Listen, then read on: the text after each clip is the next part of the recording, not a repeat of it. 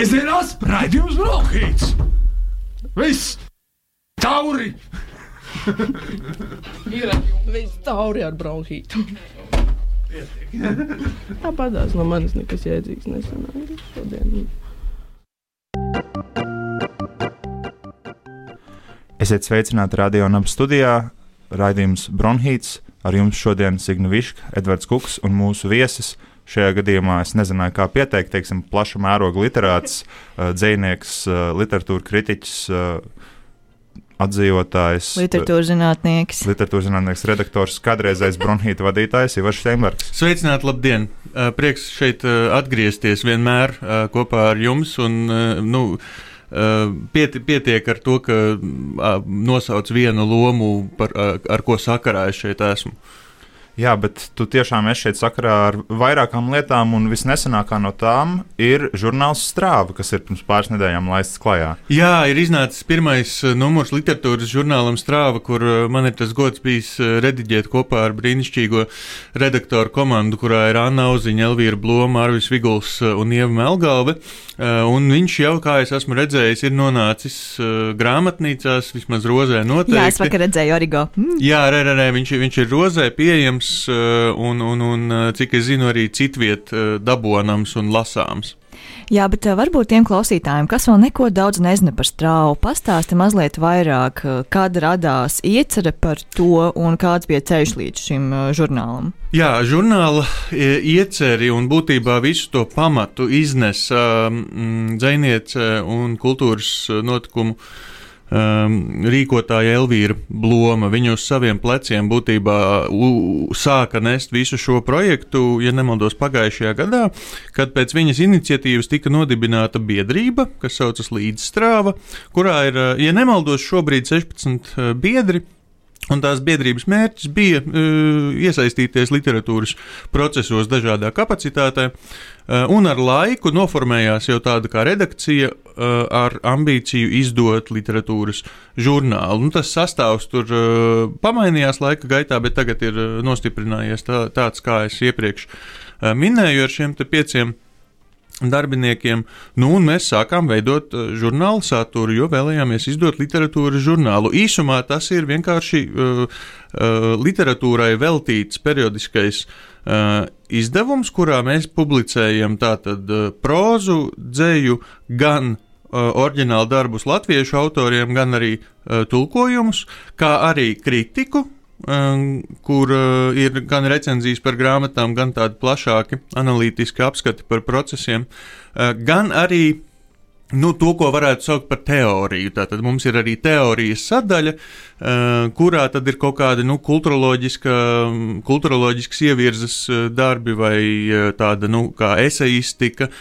Es domāju, tur mēs varēsim izpausties un iet dažādos virzienos. Pirmajā numurā, piemēram, ir Uh, Donas Haravejas um, svarīgās um, esejas kiborgu manifests fragmenti Ievas Melgāvas tulkojumā, un cik es zinu, jūs pirms raidījuma man pateicāt, ka mēs arī dzirdēsim fragmentus no šiem fragmentiem, Jā. jo, jo šis teksts tika mm, daļēji nolasīts arī strāvas atklāšanas pasākumā. Bet uh, vai tev ir izdevies vai sanācis jau dzirdēt kādu atsauksmi no lasītājiem par žurnālu? Uh, jā, dažas atsauksmes nāk uh, gan uz mūsu e-pastu, gan uh, uz mūsu Facebook, gan arī vienkārši cilvēkus satiekot, ir iespēja uh, dzirdēt, ko viņi domā. Atsauksmes pārsvarā ir pozitīvas, kas ļoti priecē un sagādā gandarījumu. Ja, ja runa ir par kaut kādām tādām ļoti specifiskām atsauksmēm, nu, protams, bija dzirdams, ka žurnāls ir padārgs. Ka Žurnāls maksā daudz naudas, kas uh, nu, mūsu gadījumā ir diezgan neizbēgami, jo žurnāls ir biezs. Mēs tur tiešām daudz darba esam ieguldījuši. uh, Mēs tur esam ieguldījuši paši savu naudu uh, un izdevuši lielākoties par saviem līdzekļiem. Līdz ar to mums kaut kā tas ir arī jāatpelna. Bet tas nav galvenais iemesls. Galvenais iemesls ir tas, ka žurnāls piedāvā lielu apjomu kvalitatīva satura. Un līdz ar to viņš ir tā vērts, lai viņu nopirktu par šiem desmit vai cik tur uh, eiro. Kā, tas, ve- nu, kā, nu, kā nu kurā grāmatnīcā ir tas uzcenojums. Mēs paši to tā, mm, paši savu cenu uzstādām, ja nemaldos, astoņi uh, eiro. Uh, tā ka nu, no manas puses es varu pateikt, ka tas ir tā vērts. Uh, otrā atsauksme bija uh, par um, burtiņiem. Par to, kāds ir uh, šrifts, uh, burtveidols uh, un kā tas pats žurnāls izskatās. Pirmkārt, jau cilvēkiem ļoti patīk, kā viņš ir kā fizisks objekts. Ja? Viņš ir patīkamā izmērā un tam līdzīgi. Un pašā sākumā bija bažas dažiem lasītājiem par to, ka tie burti ir par maziņu un ka viņas nevarēs salasīt. Bet tad mēs dzirdējām, ka tomēr tie burtiņi uh, ir pietiekami salasām un ir uh, patīkami. Anitai Smelterei bija komentārs par to, cik foršs ir uh, mīkstinājums uz ešu. Nu, tā di diakritiskā jā, es zīme. gribēju teikt, ka tāds piemīlīgs jumtiņš, tāds šaurāks nekā parasti. Jā, jā, jā. Skuiņa. Tieši tā, nu nevis mīkstinājums, bet nu, tā diakritiskā, diakritiskā zīme. Jā. Jā, un tiešām izdevums ir gan skaists, gan arī kaut kas vizuāli, kas vairāk atgādina grāmatu nekā, teiksim, avīzi. Grāmatu žurnāls. Hm? Jā, tā, tā var teikt, bet, bet vai jums bija, runājot redakcijas iekšienē, kaut kādi izdevumi, uz kuriem jūs skatījāties, kas jums kalpoja par kaut kādu labo zīmi, vai kas jums bija personīgi ideāli? Uh, Vairāk vai mazāk, jā, mēs skatījāmies gan uz esošajiem izdevumiem un domājām par to, ko mēs vēlamies papildināt, un kā, kuros virzienos mēs vēlamies iet tā tālāk un kaut ko no sevis dot klāt, kā varbūt mums šķiet, ka, ka nav. Gan arī skatījāmies uz kaut kādiem bijušiem žurnāliem tālākā pagātnē, kas vairs neiznāk, kā arī šo to mm, skatījāmies no ārzemju izdevumiem. Kā sauc to vienu žurnālu, kas mums bija kā viens tāds vizuālais paraugs, granata, laikam viņš saucās. Um, nu jā, uh, man svarīgi ir bijuši žurnāli grāmata un Kentaurs 21. Uh, tas gan nenozīmē, ka tas mūsu žurnāls uh, ir tīri tāds nu, kultūroloģisks izdevums, kas primāri fokusējas uz šīm te, uh, visas vēstures laikā nozīmīgajām teorētiskajām uh,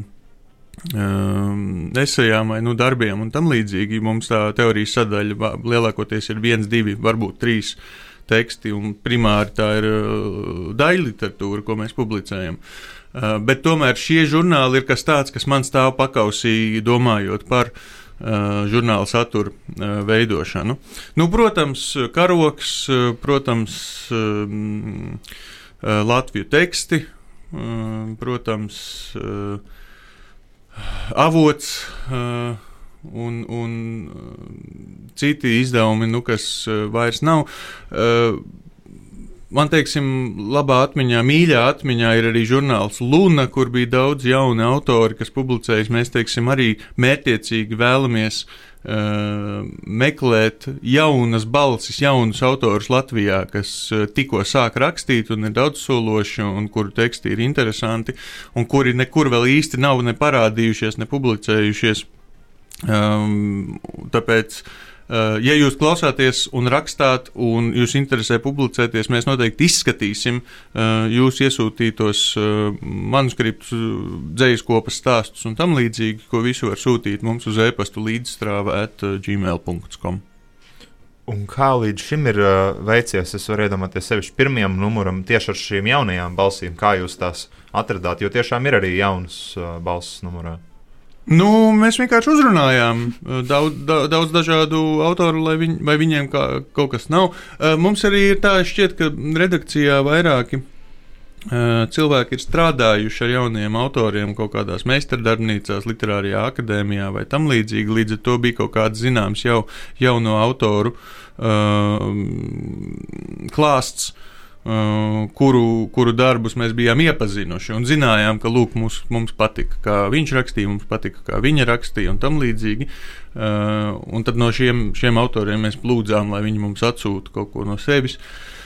Uh, tā, nu jā, pir, tas, tas bija vienkārši tāds okšķerēšanas darbs, kur, kur mēs uzrunājām, aicinājām, lūdzām, un, un, un esmu ļoti priecīgs par rezultātu.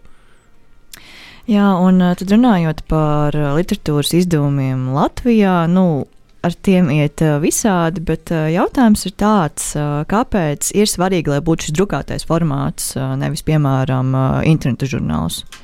Nu, pirmkārt, jau ir tā, ka, pirmkārt, jau ir tā, ka mēs uh, plānojam arī digitālo versiju šim uh, žurnālam. Uh, vairāk iemeslu dēļ. Pirmkārt, tādēļ, ka cilvēki daudz arī lasa digitālajā formātā. Uh, Otrakārt, ka digitāli viņu būs vieglāk izlasīt lielākajai daļai cilvēku, jo tur varēs palielināt burtus un tur varēs redzēt labāk, uh, ja tas būs nepieciešams. Tā ka nav tā, ka mēs pilnībā atsakāmies uh, būt uh, digitāli, gluži vienkārši mēs sākam uh, ar drukāto uh, formātu. Uh, ar domu, ka brīdī, kad mums uh, būs uh, stabilāka finansiālā situācija, tad mēs arī varēsim atļauties šo mājaslapu, kur nu, mēs izdomāsim, kā to sistēmu rīkot, vai mēs tur liekam par brīvu daļu un tad abonentiem uh, visu, nu, vai kaut kā tam līdzīgi. Uh, tā ka tas būs. Otrakārt, gan uh, nu, tas drukātais formāts jau ir vienkārši tāda kaprīze.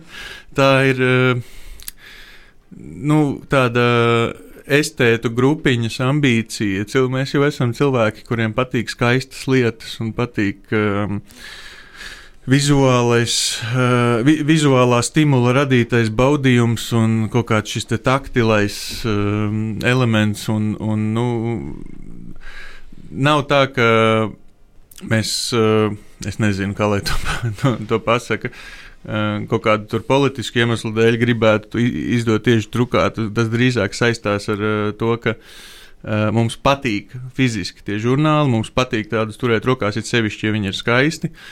Un mums šobrīd tā ir gadījies, ka nav daudz drukātu literatūras uh, žurnālu uh, Latvijā vai nu vismaz Rīgā. Uh, gluži vienkārši skaitliski, kvantitatīvi. Uh, nav diezgan daudz šādu izdevumu, kas būtu kvalitatīvi, uh, kas būtu ar savu kaut kādu nostāju un nu, kas uh, um, piedāvātu šajā drukātajā formā kaut ko interesantu. Un galu galā, kāpēc to nedarīt? Ja tieši pat ja tas ir skaistums dēļ, kāpēc nedarīt kaut ko skaistu? Jā, nu, galu galā tieši tā, jā. Un kāpēc tagad neaiziet īsā muzikālā pauzē, pirms mēs dzirdam kiborgu manifesta fragmentus? Tātad kiborgu manifests fragmenti. Tas apakšvirsraksts ir zinātnē, tehnoloģija un sociālistisks feminisms 20. gadsimta beigās. Ironisks sapnis par vienu valodu sievietēm integrālajā schēmā. Šī eseja ir mēģinājums izveidot ironisku politisku mītu, kas ir uzticīgs feminismam, sociālismam un materiālismam. Varbūt tādēļ vēl uzticīgāku, jo uzticīga ir zaimošana, nevis padavīga dievināšana un identificēšanās. Zaimi vienmēr šķiet pieprasām ļoti nopietnu uztveri. Nezinu labāku pozu, ko ieņemt, esot sekulāra, reliģiskajā, evaņģēliskajā tradīcijā, kas piemīt ASV politikai, tostarp sociālistiskā feminisma politikai. Zaimi paglāba cilvēku no iekšējās morālās autoritātes, vienlaikus uzstājot uz nepieciešamību pēc kopienas. Zaimi nav ticības atmešana, Ironija runā par pretrunām, kuras nekļūst par lielākiem veselumiem, pat ne dialektiski, par spriedzi, kas rodas saturot kopā nesavienojamas lietas, jo tās abas vai visas ir nepieciešamas un patiesas. Ironija tas ir humors un nopietna spēle. Tā ir arī retoriska stratēģija un politiska metode, kādu es gribētu vairāk godināt sociālistiskā feminisma iekšienē. Manas ironiskās ticības, manu zaimu centrā ir kiborga tēls. Kiborgs ir kibernetisks organisms, mašīnas un organismu hibrīds, gan sociālās realitātes, gan arī iztēles radība. Sociālā realitāte ir dzīvotās sociālās attiecības, mūsu svarīgākā politiskā konstrukcija, pasauli mainoša fantāzija. Startautiskās sieviešu kustības ir radījušas sieviešu pieredzi, kā arī atsegušas vai atklājušas to kā izšķiroši svarīgu kolektīvu objektu. Šī pieredze ir iztēles auglis un fakts, kas pieder svarīgākajai politiskajai grupai. Atbrīvošanās balstīja, balstās apziņas konstruēšanā, iztēles raizēs, apspiestībā un tādēļ iespējamībā. Kiborgs pieder iztēlei un dzīvētai pieredzē, kas maina priekšstatu par to, kas īsti ir uzskatāms par sievietes pieredzi 20. gadsimta beigās. Šī ir cīņa par dzīvību un nāvi, Bet robežšķirtnē starp zinātnisko fantastiku un sociālo realitāti ir optiska ilūzija. Mūsdienu uh, zinātniskā fantastika ir pilna ar kiborgiem, radībām, kas ir vienlaikus dzīvnieks un mašīna, radībām, kuras mīt ambivalenti dabiskās un mākslīgās pasaulēs. Arī modernā medicīna ir pilna ar kiborgiem, organismu un mašīnas savienojumiem, kas tiek uztverti kā kodētas ierīces Tādā intimitātē un ar tādu spēku, kāds nav ticis piedzīvots visā seksualitātes vēsturē.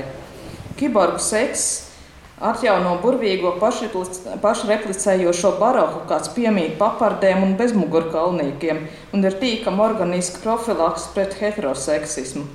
Kiborgu atražošanās nav saistīta ar organisku vairošanos. Modernā ražošana šķiet līdzīga sapnim par kiborgu kolonijas veidošanas darbu, sapni, par kuru terorismu murgs šķiet kā ideja, pret kuru terorismu murgs šķiet kā idila. Un modernais karš ir kiborgu orģija, ko programmē C3I. Tas ir uh, vadība, kontrola, komunikācija, izlūkošana. 84 miljardu dolāru aila ASV 1984. gada aizsardzības budžetā. Es argumentēju par kiborgu kā par iztēlotu radību, kas kartē mūsu sociālo un ķermenisko realitāti, un kā par iztēles resursu, kas ļauj iztēloties dažas visnotaļ auglīgas sapārošanās iespējas. Mišela Foucault biopolitika ir šļaugana priekšnojauta kiborgu politikai, plaši atvērtam laukam.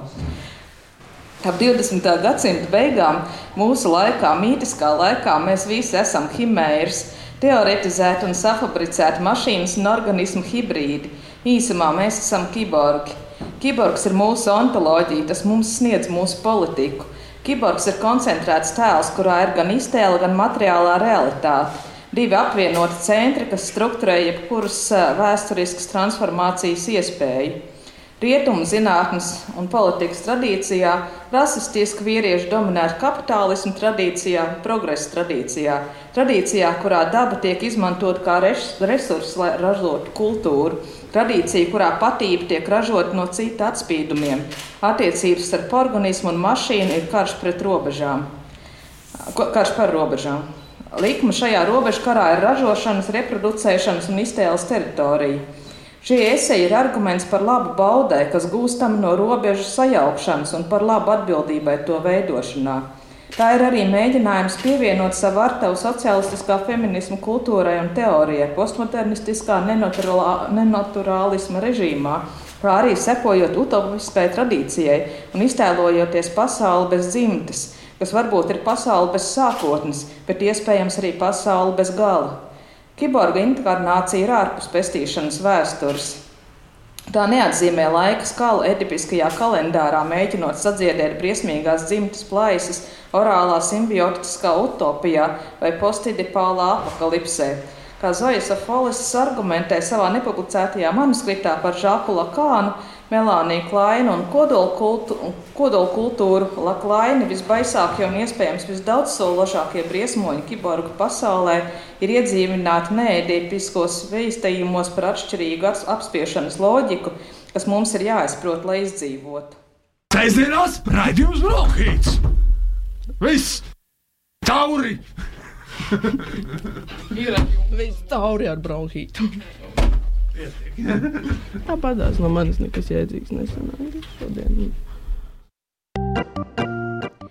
Un esam atpakaļ rādījumā, studijā literatūras raidījumā Bronhīts. Un pat ēterā izskanēja Donna Haraveja Kiborga manifesta fragmenti Ievas Malgalvas tulkojumā un lasījumā.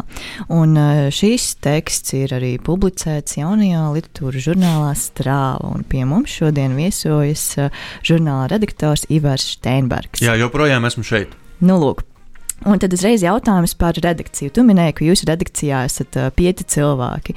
Un pirmā numura galvenais redaktors bija esi tu. Kā būs ar nākamajiem numuriem? Jā, nu tā tīri statusa ziņā es arī palieku galvenais mm. redaktors pagaidām un turpmāk. Taču turpmākajos numuros, sākot ar otro, mums ieslēdzas uh, sistēma, nu, ko mēs nodēvējām par rotācijas sistēmu, kur mainās atbildīgais numura Aha. redaktors. Uh, kas nozīmē, ka katram piektajam numuram ir savs Uh, cilvēks, kas atbild primāri par saturu, tātad organizē recenzijas, organizē fotografiju vai fotogrāfu, um, veido kompozīciju, izvēlas, uh, ko tulkot un tam līdzīgi, un tā kā veido to savu uh, saturu savam vienam numuram, un tad piesaista pārējos redaktorus kā palīgus un uzdod viņiem uzdevumus, un izdomā pienākumus, un ko tulkot, ko tur pie, piesaistīt, eh, ko rediģēt un tam līdzīgi. Uh, un tāds viens numurs tiek izveidots, un tad ir nākamais numurs, kur ir nākamais redaktors atbildīgais. Uh, savukārt uh, tas atbildīgais redaktors sadarbojas ar galveno un kopā viņu rediģē. Bet tā doma ir tāda, ka tie satura veidošanas paņēmieni mainās, un līdz ar to tiek uzturēts kaut kāds svaigums uh, tā žurnāla. Nu, kaut kādā tajā konceptuālajā, kompozicionālajā uh, ietva, uh, aspektā. Uh, un tad, nu, lūk, nākamajā numurā tā nu ir sakritis, ka uh, atbildīgais būšu atkal es. Uh, tā ka tas būs tas otrais numurs, būs, būs uh, manējais. Bet pirmajam numuram gluži nebija tā, kā es biju centrālais veidotājs. Uh, pirmo numuru mēs veidojām visi kopā. Pirmais bija tāds kā mūsu visu piecu kopdarbs, eh, kur, kur pienākumi tika diezgan demokrātiski uh, sadalīti, nu, un, un, un nu, to, to lielāko smagumu tādā projektu vadības ziņā jau iznesa Elvīra. Vai tas nozīmē, ka mainoties atbildīgiem redaktoram būs arī kaut kādas tematiskas ievirzes, vai tas ir drīzāk, kā tu saki, uh, tas svaigums un, un Um, žurnāla katram numuram ir paredzēta tāda kā noklusētā tēma, kas netiek afišēta, kas netiek uh, uzlikta uz vāka vai minēta pat uh, tur, nezinu, redaktora slēgā vai tam līdzīgi. Viņa nav tāda birka oficiāli, kas tiks piekarināta, bet drīzāk tas būs tāds kā vadmotīvs, uh, par ko domāt to saturu veidojot, uh, lai radītu kaut kādas kopsakarības starp šiem te izvēlētajiem tekstiem. Uh, Eh, mēs izvēlējāmies to tēmu katram numuram īsti tā neafišēt tā iemesla dēļ, lai mums būtu lielāka brīvība tā satura um, komponēšanā. Uh, jo citādi mēs sevi iegrožojam kaut kādā šajā tematiskajā rāmī, un, nu, un tad liekas, ka visiem tekstiem ir jābūt saistītiem ar šo tēmu un tam līdzīgi, lai gan mēs to īsti negribējām. Mēs varbūt drīzāk gribējām, lai ir kaut kāda tāda, kaut kāds virziens, kurā tas numurs skatās, uh, bet vienlaikus piedāvā, var, drīkst piedāvāt arī visu ko citu, kas skatās citos virzienos. Un viens no virzieniem, kur to esi minējis eh, žurnālam Strāva, ir, ka tu gribi uh, stiprināt uh, polemiku. Uh, sanāk Latvijas literārijos mēdījos vai Latvijas literatūrā. Un, uh, mans pirmais jautājums, laikam, ir, kas ir tās lietas, kuras tev šobrīd līdz šim ir pietrūkušas, vai kur tu gribētu redzēt vairāk? Nu, Tie gan laikam ir divi dažādi jautājumi, jo par polemiku ir diezgan vienkārši. Es gluži, gluži vienkārši gribu iedrošināt uh, kritiķus un literatūras zinātniekus sarunāties savā starpā šajos literatūras izdevumos un uh, atsaukties uz to, kas ir publicēts gan, gan, gan digitāli, gan uh, drukātajā presē un veidot kaut kādu dialogu.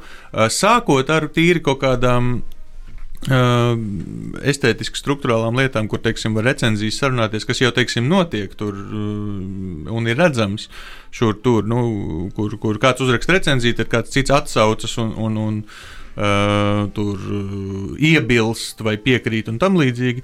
Uh, un, nu, protams, tas ir kaut kas tāds, ko es arī gribu redzēt mūsu žurnālā, kur, kur ir recenzijas, kas atsaucas uz citām recenzijām. Bet es, protams, vēlos iedrošināt mūsu autorus uh, sarunāties arī par plašākām, uh, dziļākām tēmām uh, un, un, un nu, to sarunu vērst kaut kādā plašumā. Uh, tur, piemēram, uh, žurnālam domu zīme, kas, es ceru, mums veidos uh, kaut kādu draudzīgu sāncensību.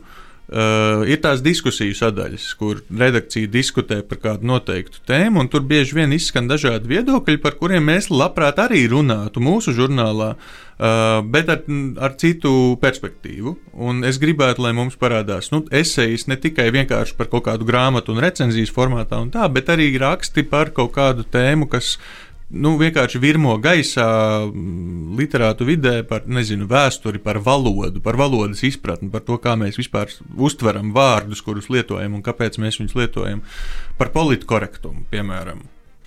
Es gribētu redzēt esejas, lai cilvēki, cilvēki raksta, nu, un, un tam līdzīgi. Es ceru, ka es atbildēju par to polemiku, un tas otrs jautājums jau ir tas, kas man, man pietrūkst. Uh, kas, kas kā, nu, jā, ir saistīts. Bet... Es tikai pieņēmu, ka tev pietrūkst arī polemika. Nu, jā, jā. nā, nē, polemika jau notiek. Uh, vienkārši es viņu vēlos redzēt uh, mūsu žurnālā arī. Bet tas, kā pietrūkst, tur var minēt, es domāju, visu, visu ko. Um, man pašam personīgi gribētos vairāk tulkojumus daļliteratūrai no dažādām teritorijām un laikiem. Uh, kas ir maz pārstāvēti mūsdienu uh, latviešu laikmetīgajā literatūrā. Man, man teiksim, īsti nav priekšstata par to, um, kāda ir literatūra Āfrikas kontinentā. Um, mums ir pārsteidzošā kārtā diezgan maz dzīslu tulkojumu no Austrālijas, piemēram, kas būtu ļoti pieejama, jo tur raksta jau angļu valodā. Mums ir viens austrāļu dzinieks pirmajā žurnālā, žurn, pirmā žurnāla numurā, Pīters Boils. Arvija Vigula tulkojumā, par ko es ļoti priecājos, jo tā ir tāda teritorija, nu, kas maz parādās mūsu vietējā diskursā. Tā kā es gribētu vienkārši kaut kādu šo te teritoriālo pārstāvniecību vairāk no vietām, kas, kas maz parādās.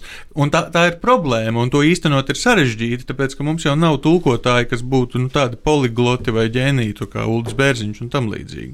Bet nu, mēs meklējam, mēs, mēs uh, prasām, un mēs centīsimies to organizēt un tādā virzienā arī iet. Otra lieta ir tas, ka tīri um, gan uh, kaut kādā eseistikā, gan, gan arī daļai literatūrā, uh, manuprāt, ir uh, jābūt vairāk. Um, Tādām balsīm, kas parāda, kas reprezentē mūsu sabiedrības dažādību, Manuprāt, drukātajā presē vismaz to, to es gribētu redzēt vairāk. Nu, es dzirdēju, teiksim, ka Katrīna Rudzīta tagad tulko Adriju Lordi, kas ir, kas ir, kas ir ļoti forši. Bet nu, visādi, visādi teksti, nu, teiksim, es vakardien, ne, vai kad tas bija pirms pāris dienām, skatījos Annas Auziņas jaunās brīnišķīgās grāmatas mājoklis, Terēzes dienas grāmata prezentāciju tieši saistē. Nu, un tur uh, Inga Gaila stāstīja par to, nu, kungs, cik daudz mums patiesībā pietrūkst. Mums pietrūkst homoseksuālas sievietes perspektīva, mums pietrūkst tas, mums pietrūkst tas un tādā garā. Un pati Anna Auziņā, protams, aizpilda šobrīd lauku, kas uh, arī bija nu, nepieciešams, ka teksts, kas atklāti runā par ķermeni un seksualitāti, un tādā tiešā, skaidrā, precīzā prozā uh, par to runā. Uh, Uh, bet kas ir tas, ko mēs iegūstam no šīm dažādajām balsīm? Uh, man, man personīgi tas guvums ir tāds, ka tas vienkārši ir skaisti, ka tas vairo manu to pasaules uh, plašumu. Bet kas ir tas, uh, ko tas iegūst pār, teiksim, citu tekstu? Nu, pirmkārt, jau liela daļa. Mēs jau, mēs jau gribētu tāpat uzstādīt kvalitātes latiņu jebkam, ko mēs publicējam. Līdz ar to tas jebkurā gadījumā būtu uh, ko, mm, labs teksts. Mēs primāri skatāmies uz to, lai mums tas kā literārs darbs šķiet saistošs un vērtīgs. Uh, tā kā, ja tas tiek publicēts, tad tam ir šī literārā darba, šī mākslinieciskā uh, vērtība un jēga. Bet cita lieta ir runājot tieši par kaut kādu dažādu balsu iepludināšanu tajā drukātajā mēdījā vidē, runa jau ir par realitātes atspoguļošanu. Jo realitāte ir tāda, ka mēs, kā planētas iedzīvotāji, esam ārkārtīgi dažādi, un šo dažādību ir vērts svinēt, un, un ir vērts parādīt, ka šī dažādība ir normāla un, un uh, ka tā var būt arī vērtība. Tas ir jautājums par reprezentāciju. Vai mēs, vai mēs uh, mūsu žurnālā, piemēram, atainojam to, kā, kāda ir faktiskā situācija pasaulē? Jā, ne, man liekas, ka mums nav īpašu iebildumu. Tas ir tīri tāds uh, izvēršanas jautājums, jo ļoti bieži man šķiet, ka it kā mēs pasakām, jā, reprezentācija un tālāk, tālāk mēs netiekam. Bet man liekas, ka ir tā, kā tu saki, jā, patiesībā tā vienkārši ir tā pasaule, kurā mēs dzīvojam. Tas nav mākslīgi, šie cilvēki nav mākslīgi izgudroti žurnāla vajadzībām. Nu, tieši tā, tieši, tieši tā.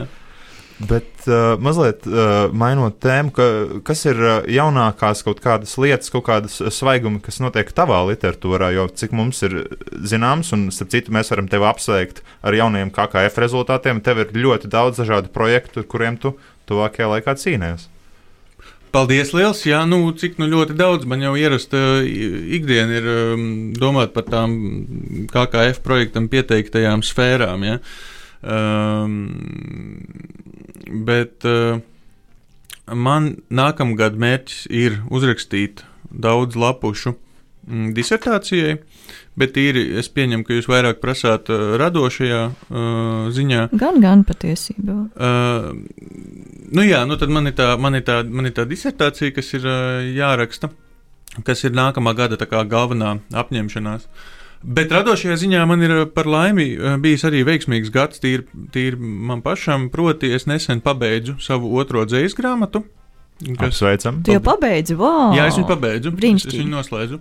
Nu, viņa ir jārediģē. Es viņu esmu nosūtījis redaktoram, lai, lai lasa, un tad mums tagad sākas rediģēšanas darbs. Tā ka nav jau tā, ka viņa tur, tur ir iznākusi vai tam līdzīgi, bet tas radošais uh, cēliens ir noslēdzies.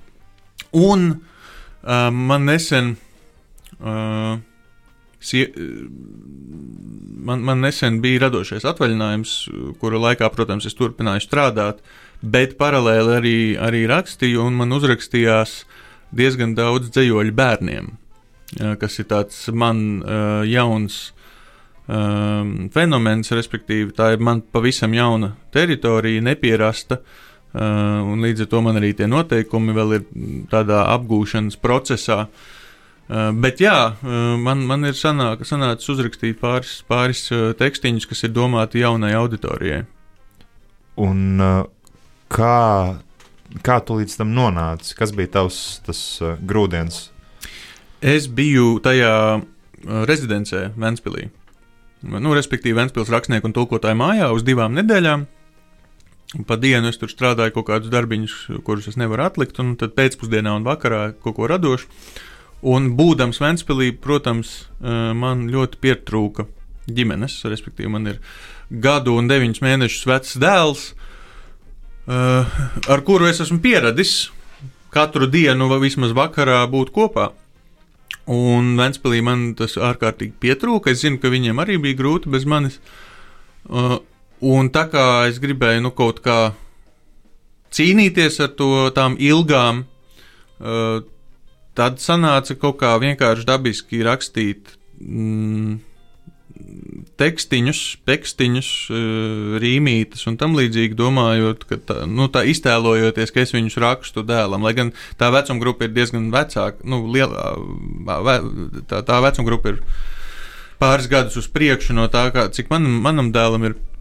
Gadu, bet tas bija, vien, jebkurā gadījumā, tas bija tāds mehānisms, kā es cīnos ar, ar uh, ar to, ka man pietrūka uh, bērns. Un tad varbūt mēs varam noklausīties šos uh, divus uh, dzējoļus, kurus tu esi paņēmis līdzi. Jā, mēs noteikti pēc īsas muzikālās pauzes atgriezīsimies ar Ivaru Steinbergu un viņa jaunajiem dzējoļiem. Sēžamās raidījums Bronhīts! Viss! Tauri! Ir viss tauri ar bronhītu. Tāpatās no manis nekas jēdzīgs nesanāca šodien. Te runā Ivars Steinbergs, un es pēc raidījuma vadītāja lūguma nolasīšu dzējoļus. Šeit būs divi mēģinājumi rakstīt dzēju bērniem, un tad viens dzējols pieaugušajiem, bet es sākšu ar tiem, kas ir bērnu auditorijai un kas varētu būt šo, šajā lasījumā veltīti valodas pūristiem. Pirmais dzējolis saucas besis. Šodien laikam visiem slikta diena.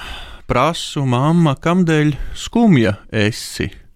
Tētis saka, kurš mums jāuzmanās. Šodien mammai uznācis ir besis. Kas ir besis? Čukstu, čukstus prasu tētim. Tētis kasa bārdu, ilgi domā, Tas ir nelabs vārdiņš, kuru saka tad, kad kādam uznāk slikta oma, piemēram, kad ilgi sēžu darbā vai kad atkritumus neiznesi. Bet kāpēc tieši šodien manai mammai uznācis šis lielais sliktais besis? Māma saka, man par daudz ir šodien, un tādās dienās gadās neliels besis, darbi krājas, zvana bosi, rājas, un vispār tētis pazaudējis presi. Mama, saku, nebēdājies, lūdzu, re, cik skaists ir šodien padebesis. Man tētis iemācīja jaunu vārdu, lai tavam besim pašam uznāk besis. Uh, tas bija dzējols par to, kas ir mammai, un tagad ir dzējols par to, kas ir tētiem, uh, tētim. Dzējolis saucas Bzdings.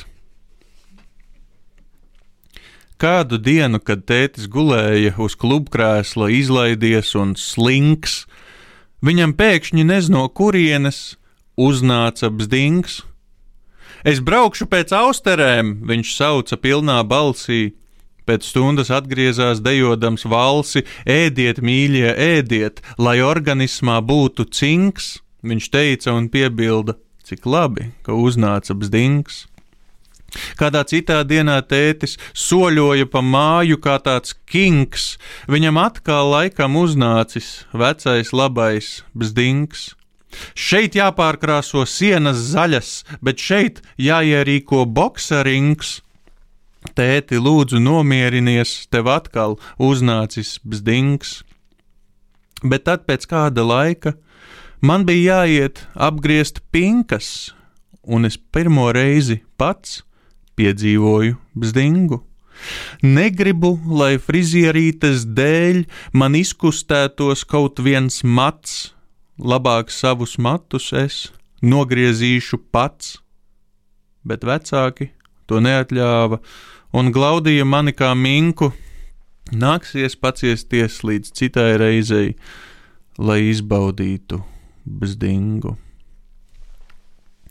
Uh, tie bija divi dzīsļi bērniem, un tad es noslēgšu ar uh, uh, dzīsļu pieaugušajiem. Lai gan uh, varbūt viņš, varbūt, es nezinu, es ceru, patīk arī, patiktu arī bērniem. Dzīslis bez nosaukuma.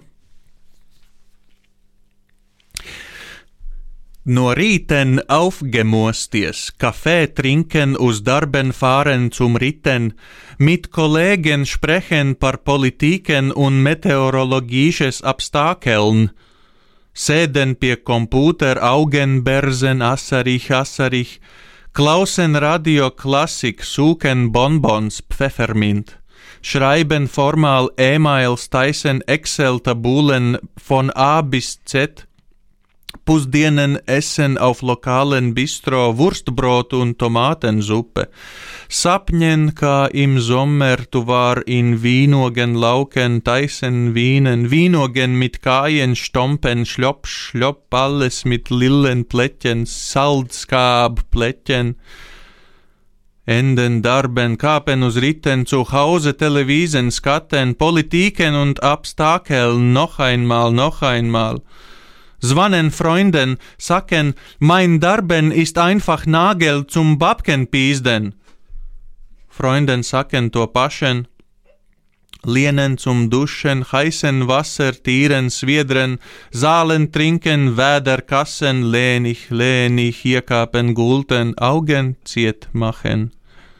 Du bist ein Engel, du bist ein Brinum, Gullen Salden, meine Liebling, mein Schmetterling, deinen Sapnen, deinen Tagen, das Wiss ist etwas wunderschön, und kāden Tagen, kāden Tagen, kad viss vergangen wurden, kad mēs salden Wienen trinken, wurden, du wurdest mierig sein, und mēs laimig wurden, kā zwei sarkanig Ogen auf einen twirten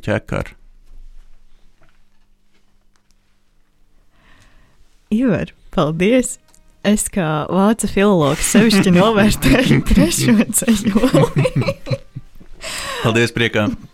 Uh, priekā, jā, mēs noteikti pēc šī raidījuma gluži nē, bet uh, noteikti svētkos uh, pacelsim kādu glāzi saldenu vīnenu par šo. Un, uh, Vai esi Inesēs Andrē jau parādījis savus dzējojus bērniem? Uh, es to grasīšos, uh, ne, respektīvi, es to grasos darīt, bet es sākumā parādu sievai visu, ko uzrakstu, tad gaidu, kad uh, Daina man uh, pakomentēs un pateiks, ko, kas, kas tur ir jāmet ārā un tam līdzīgi. Un uh, tad, kad tas būs izdarīts, tad es rādīšu uh, jā, Latvijas centrālajai li, literatūras bērniem redaktorai. Jā. Bet man liekas, ka gan Ivaram, gan Dainai ir pat dzējolim šajā garajā pupā. Ja es pareizi Jā. atceros, Jā, jā, jā. Un ļoti skaisti. un Tieši arī Dainas Zēles brīnišķīgs. O, Dainis Zils ir superīgs, vai ne? Jā, jā, Jā, jā, jā. Viņš, ir, viņš ir lielisks. Bet uh, mums ir palicis, diemžēl, ļoti maz laika, jo ar tevi ir tik interesanti runāt. Bet es vēl gribēju paspēt, paprasīt mazliet par tavu doktora darbu. Jā. Ja es pareizi saprotu, tu ar taviem uh, zinātniskiem uh, līdzstrādniekiem ap, apzinat un klasificējat esošo latviešu valodā pieejamu atzīves korpusu, un pēc tam veicat secinājumus par. Par ko? Vai tu vari Jā, es varu pastāstīt? Šobrīd uh, disertācijas ietvaros ir uh, aizsākts tāds projekts, uh, kas sākās maijā un turpināsies līdz nākamā gada maijam, kurā mēs apzinām um, Latvijā latviski izdotās tulkotās dzējas grāmatas.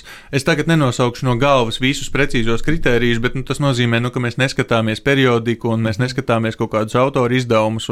Man šķiet, ka mēs atmetam arī uh, lugas dzējā, kas ir tulkotas. Mm uh, Uh, lai gan nu, Fausts tajā mūsu sarakstā ir ie, iemaldījies, bet nu, to mēs vēl skatīsimies. Jebkurā gadījumā pētījums ir Uh, joprojām notiekošs. Respektīvi, mums tā noslēdzošā fāze vēl īsti nav sākusies. Tas būs pavasara semestra darbs, proti, šo datu analīze, un interpretācija un vizualizēšana. Uh, jo šobrīd mums vienkārši ir uztaisīts saraksts ar atzīves grāmatām, kas ir izdotas Latvijā un latviešu. Uh, un līdz ar to es nevaru jau dalīties ar rezultātiem. Tas, mhm. tas pētījums vēl notiek, bet mērķis jā, ir izdarīt secinājumus par atzīves tendencēm, vai vismaz atzīves grāmatu uh, tendencēm aptuveni 20. gadsimta griezumā Latvijā latviešu.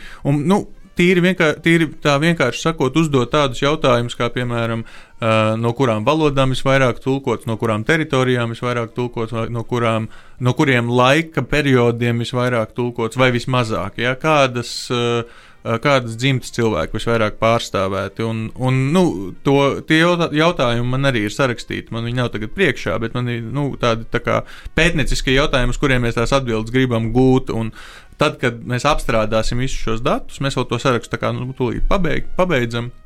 Viņā šobrīd ir ap 600 grāmatām, ja nemaldos. Mhm kas aptver nu, 20. gadsimtu, plus vēl mūsdienas, un bišķiņu vēl 19. Uh, nu, jā. Vai tev tā visa ietvaros ir radies kāds jauns iespējas vai priekšstats par to, ko reizēm sauc par tādu atzīves skolu, mūsu vietējo vai skolām? Uh, Es domāju, ka atkal es kaut kādus tādus sakarīgākus uh, atklājumus varēšu pastāstīt, kad uh, pētījums būs uh, noslēdzies un kad varēs sākt tos rezultātus integrēt promocijas darbā. Tā tad nu, pēc, sem, pēc pavasara semestra.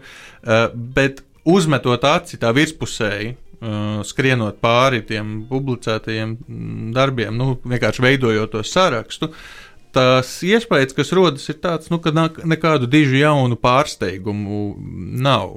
Atzīst skolas tā, tad, tā galvenā iezīme, nu, respektīvi, Knuta Skujnieka, Leona Brieža un Ulža Bērziņa.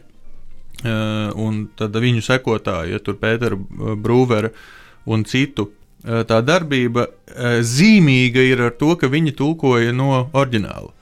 Uh, viņi, um, atšķirībā no lielas daļas padomju laika atzīves, uh, meklēja teksta pirmavotu un, un izmantoja to kā um, atspērienu punktu, nevis izmantoja parindeņus. Jo ir daudz grāmatu, kas ir no parindeņiem tulkotas. Un, teiksim, ir bijuši gadījumi, kad es sapriecājos, ka wow, mums rekur ir kaut kāds. Uh, maz pārstāvēta valoda, bet tad atver grāmatu un izrādās, nu, ka tas ir tulkots no parindiņiem, kas nozīmē vienkārši no krievu valodas. Mhm. Um, Bet kopumā um, nekādu dižu lielu pārsteigumu nav. Uh, tās ir lielās valodas, kas lielākoties ir tulkotas. Ja, Tātad uh, krievu, angļu, vācu, mazliet uh, mazāk, bet tā, tik un tā itāļu, spāņu, uh, franču. Nu, nu, ta, ta, tas, kā, kā, ko, ko it kā tu varētu paredzēt, uh, bieži vien tas tā arī ir. Vai tevi līdz šim darbam noveda tevis paša meklējuma atzējā meklējumu starp tekstiem, vai tas bija drīzāk tāds uh, skats vairāk no malas? No malas, kā no, no zinātniskas uh, no zinātnis skatu punkta, vai tev bija tāda profesionāla zinkāra, kā atzējotājiem skatīties, kā tas ir noticis un, un tam kulties cauri? Nu, uh, tas saistās ar manas disertācijas uh, tēmu. Kultūras akadēmija izsludināja projektu konkursu, kuram tad es pieteicos, un kas arī tika izsludināts ar mērķi palīdzēt izstrādāt disertāciju. Es disertācijā vēlos izdarīt kaut kādus jaunus secinājumus tieši par atzīves procesu padomju laikā. Un šis projekts vienkārši šķita mm, nu, laba izdevība. uh, Ar to, ar to nodarboties. Jā, nu tas izriet no, ga- gan no manas personīgās intereses par uh, tulkoto uh, dzēju, uh, gan arī tīri akadēmiskās intereses pētniecībā. Un, uh, kas ir tas, kā tu pats uh, atrodi savu tekstu, teiksim, ka, tu, ka tu kaut ko atzējo, vai uh, kas ir tas, ka, kas tevi pievelk pie teksta? Ko es atzējoju? Uh, Es, es tikko biju domājis tieši atzējoju, bet tikko es pateicu šos vārdus, es sapratu, ka varbūt tas ir attiecināms uz ļoti daudz ko citu, ko tu dari. kas mani pievelk pie teksta, ir jautājums. Jā, ja? ka tu ar viņu gribi strādāt. Problēma ir tā, ka teksti ir tik dažādi, ka ir grūti attiecināt kaut kādu vienu formulu uh, uz tiem uh, visiem. Jo, nu, nu, kā mēs varam, es nezinu, salīdzināt uh, raupa krājumu putnu ar Kārļa uh, gatavo dzēju, kas ir veidota pēc pavisam dažādiem principiem un runā par pavisam dažādām tēmām, bet kas abi man patīk, piemēram. Ja? Man patīk gan raupa metafizika, gan uh, Kārļa citā, citāti. Uh, es nezinu, kas būtu tas viens, kas tiek meklēts abos. Iespējams, iespējams tas ir tas, ka šie teksti, un tas attiecas uz, uz arī tiem tekstiem, kurus es labprāt teiksim, gribētu tulkot, ka šie teksti manī kaut kā turpinās. Uh, Ka es viņus izlasu, viņi rada jaunu tekstu manī, respektīvi, manī rodas vēlme viņu atdarināt, viņu nozagt kaut ko no viņa, paņemt kaut ko no viņa un, un turpināt uh, pa, pašam. Vai nu, vai nu reāli rakstot dzējoli, vai vienkārši sevi nesājot. Bet tā tad, ja teksts kaut kā rezonē, viņš kaut kā ieskandina iekšas, tad, tad, uh, tad, tad tas ir kaut kas tāds, kas mani saista. Jā. Es domāju, ka tā, tā definīcija, tad varētu, kas varētu attiekties uz visiem šiem dažādajiem tekstiem, ir tas, ka tas teksts, ka viņam izdodas lasītājā turpināties un radīt jaunu tekstu iekšā lasītājā. U, Es domāju, ka šī ir gana pacelāta notis, kuras varētu arī beigt šo brīnišķīgo raidījumu un sarunu, jo arī laika sāk aptrūkties. Un, uh, Ivar, es tikai vēl arī gribēju atzīmēt, ka tu Bronhītā viesojies pirms gada, tie, gandrīz tieši pirms gada, un mēs runājām vēl par uh, tavu pirmo dzējoļu krājumu stropes, un tagad gada laikā ir tik daudz, kas noticis, un uh, es tiešām gribēju arī paust uh, prieku par uh, visu to, ko tu dari, un tad uh, tiešām gaidīsim jaunus tekstus no tevis, kas arī noteikti turpināsies lasītājiem. Lielas paldies, liels paldies, Igna un, un, un Kuka. Un, tā kā šis ir mūsu Ziemassvētku raidījums, jo viņš izskan 25. datumā, kaut arī mēs ierakstāmies ā, mazliet agrāk, pēdējā dziesma no Ivara būs Ziemassvētku dziesma. Vai tu gribi kādu īpašu vēlējumu izteikt līdz ar dziesmu klausītājiem? Ķerieties, vērsim pie ragiem. Ķerieties, vērsim pie ragiem un priecīgus Ziemassvētkus un laimīgu jauno gadu no Bronhīta. Jā, tieši tā. Priecīgus svētkus! Priecīga tā!